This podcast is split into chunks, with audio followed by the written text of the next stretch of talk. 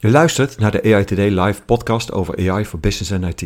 Voordat we beginnen, eerst even dit. We zijn genomineerd voor de Prijs van Oranje van de Belgian Podcast Awards. We zijn super trots op deze nominatie en jij kan ons helpen om deze prijs te winnen. Luister je graag naar onze podcast? Stem dan via belgianpodcastawards.be. Alvast bedankt.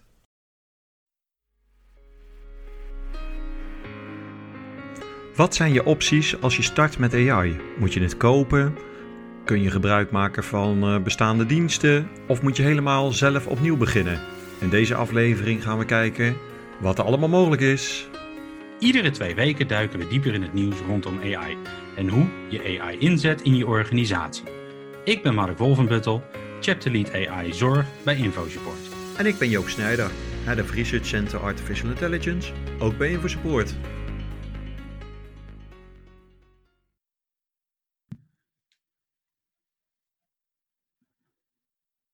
Welkom bij onze vierde aflevering alweer van onze podcastserie.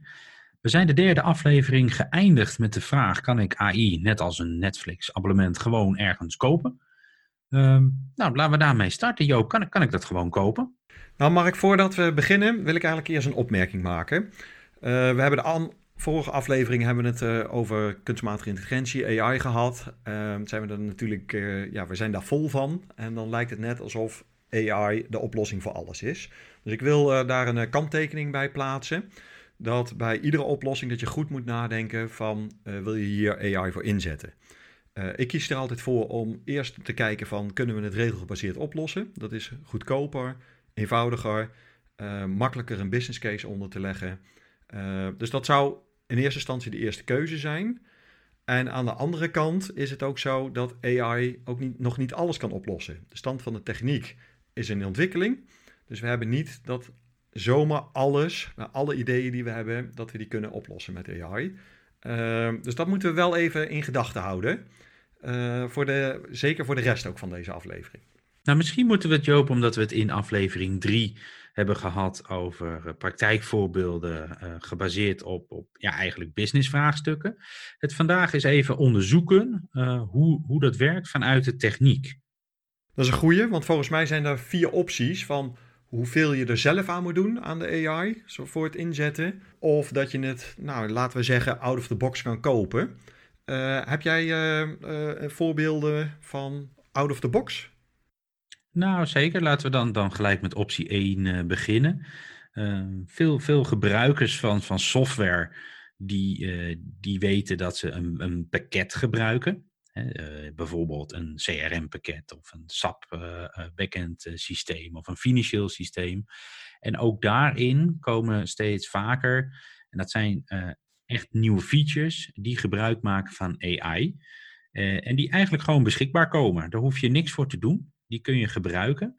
En denk daarbij aan een veel sterk verbeterde zoekfunctie of misschien wel een mogelijkheid om te praten uh, en dat om te zetten in een zoekopdracht of allerlei andere toepassingen die eigenlijk vanuit het pakketleverancier worden geleverd. Daar wordt AI dus toegepast uh, en eigenlijk gewoon out of the box aan jou geleverd.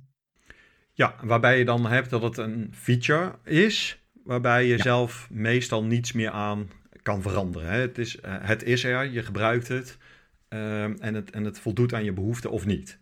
Het is een soort van... Alle... Het is door de leverancier bedacht. Ja, ja, precies.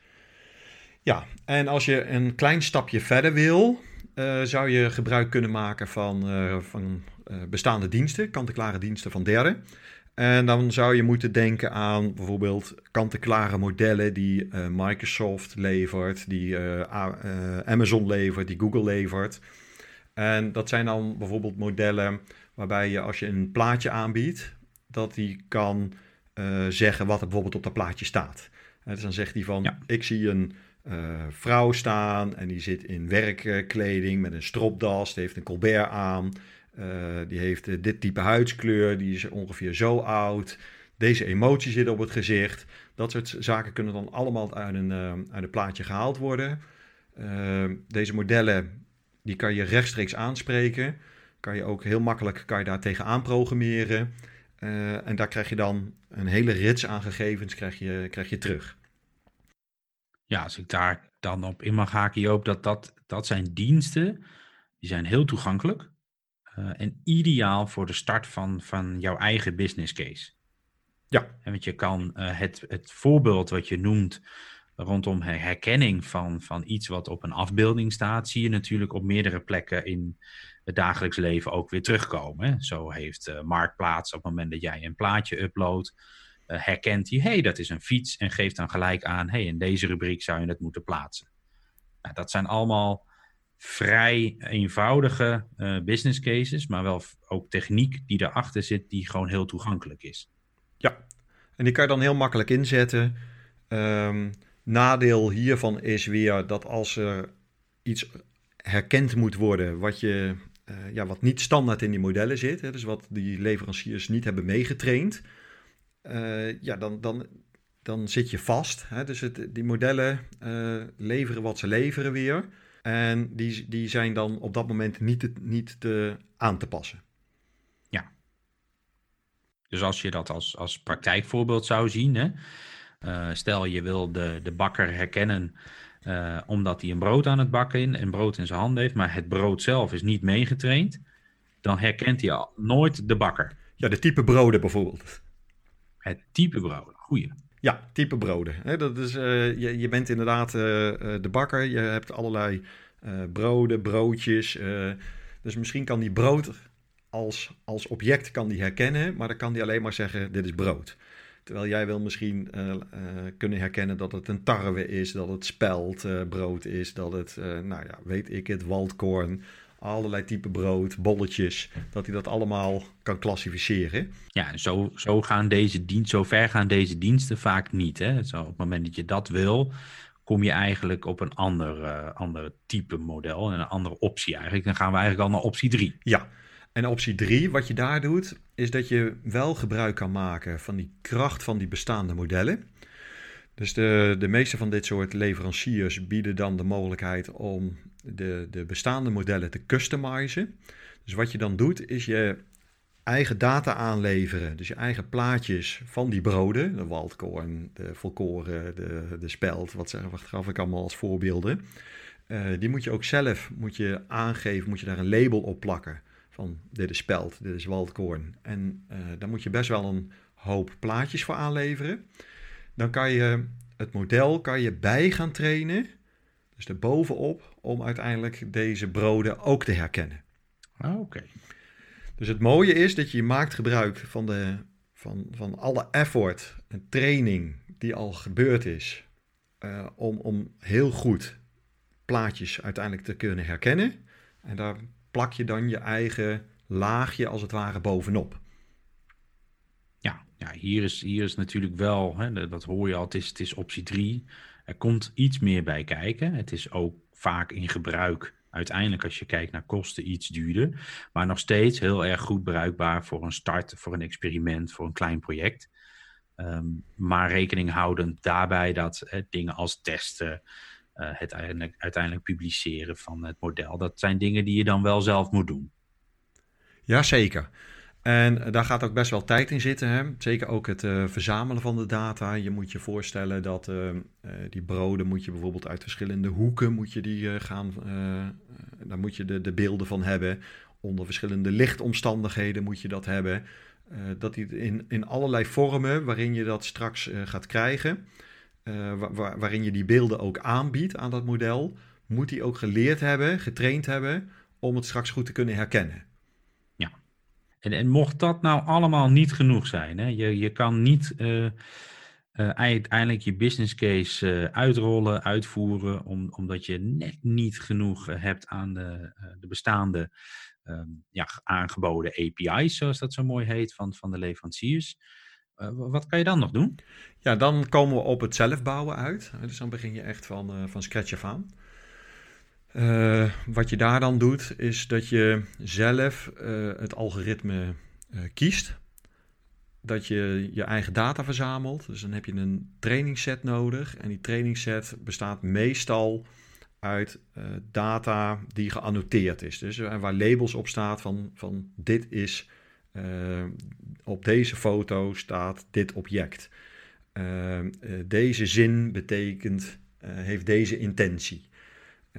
dit woord betekent dat. zo moet je dat helemaal gaan trainen. maar dat betekent ook bij het verzamelen van de data dat je moet gaan zorgen dat die data geschroond is, hè, dat die kwalitatief heel goed is. Alles wat je erin stopt, daar gaat de, de machine learning gaat proberen om daar patronen in te ontdekken. Dus als daar vervuiling in zit, uh, nou ja, dan vindt hij misschien ook patronen die jij helemaal, ja, die, die er eigenlijk helemaal niet in horen.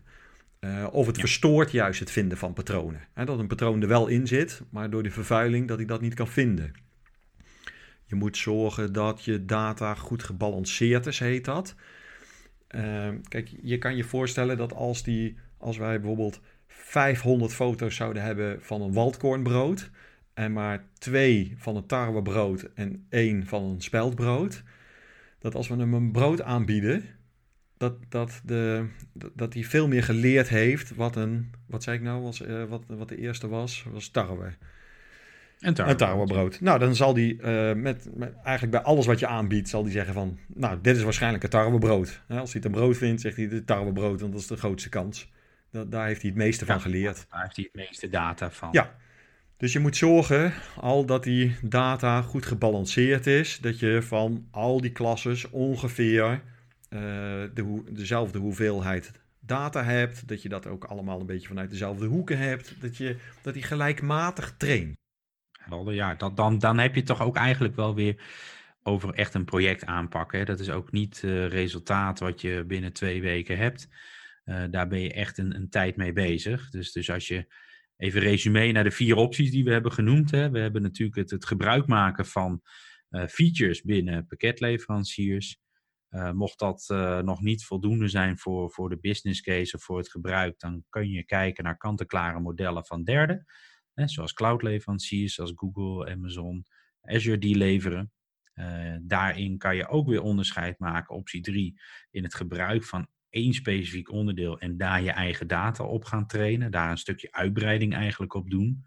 En mocht dat ook nog steeds niet voldoen, dan kan je ervoor kiezen om, uh, om het zelf te gaan bouwen. Nou, daar moet je wel rekening houden dat daar wel wat, wat extra werk bij komt, want het wordt niet allemaal voor je gedaan.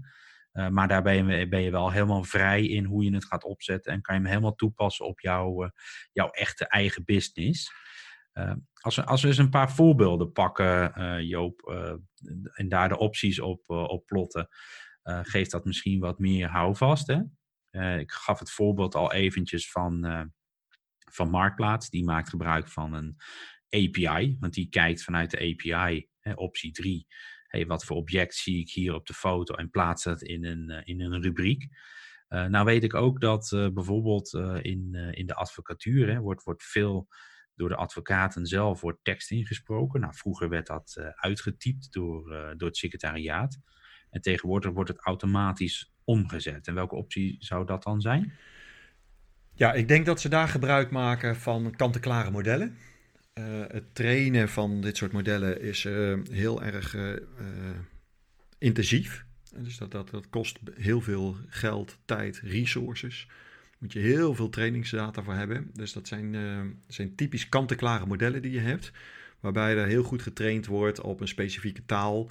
Zodat je ja, spraak heel goed kan omzetten naar, naar geschreven tekst.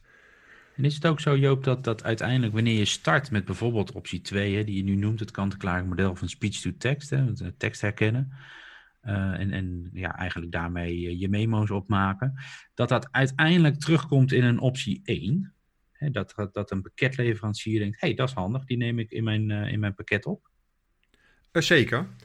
dat gebeurt denk ik al heel veel. Ehm, ik maak er zelf geen gebruik van, maar Word kan je bijvoorbeeld dicteren. Hè? Daar kan je uh, dingen inspreken. Uh, en zo, zo ja, verweeft zich dat in dat soort uh, producten. Als je gebruik maakt bij, bij PowerPoint, heb je nu van die features. Ik weet niet of je die al wel eens gezien hebt. Dat als je een slide aan het maken bent, dat je nu ook ehm, opmaakideeën kan krijgen. Dus krijg je aan de rechterkant van je beeld, krijg je in één keer krijg je allemaal opties van hey, je sheet of je slide zouden ook zo uit kunnen zien. Uh, wat ze daar doen is ook gebruik maken van AI machine learning. Van, uh, daar kijken ze naar heel veel opgemaakte slides. Uh, en kijken ze hoe jouw slide daarin past. En nou, geven ze dat bijvoorbeeld als optie aan. Ja, dat is wel heel handig. Ze, ja. En wat misschien ook nog wel een hele leuke is, ik weet niet of je die kent, is dat je tegenwoordig ook, als je een tabel bijvoorbeeld op papiervorm hebt, kan je daar een foto van maken. Ehm, en die foto kan die dan weer ook omzetten, zodat het ook weer een tabel in Word of in Excel wordt. Ah. Je begon nog uh, de podcast dus door te zeggen dat niet, uh, niet alles kan. Maar dit zijn toch mooie features die uh, echt wel wat bijdragen. Ja, leuk hè. En, en dit is dan typisch hè, iets wat je ziet in, in optie 1. De pakketleverancier levert deze opties en daar kan je gewoon gebruik van maken. Ja, ik denk wel uh, als je daarnaar kijkt, naar de vier opties. Het is ook altijd een beetje de fase waarin, uh, waarin een, een project zich bevindt. Hè. Veel uh, gebeurt wel vanuit een stuk zelfbouw, omdat je daar flexibel bent in, in eigenlijk wat je moet doen.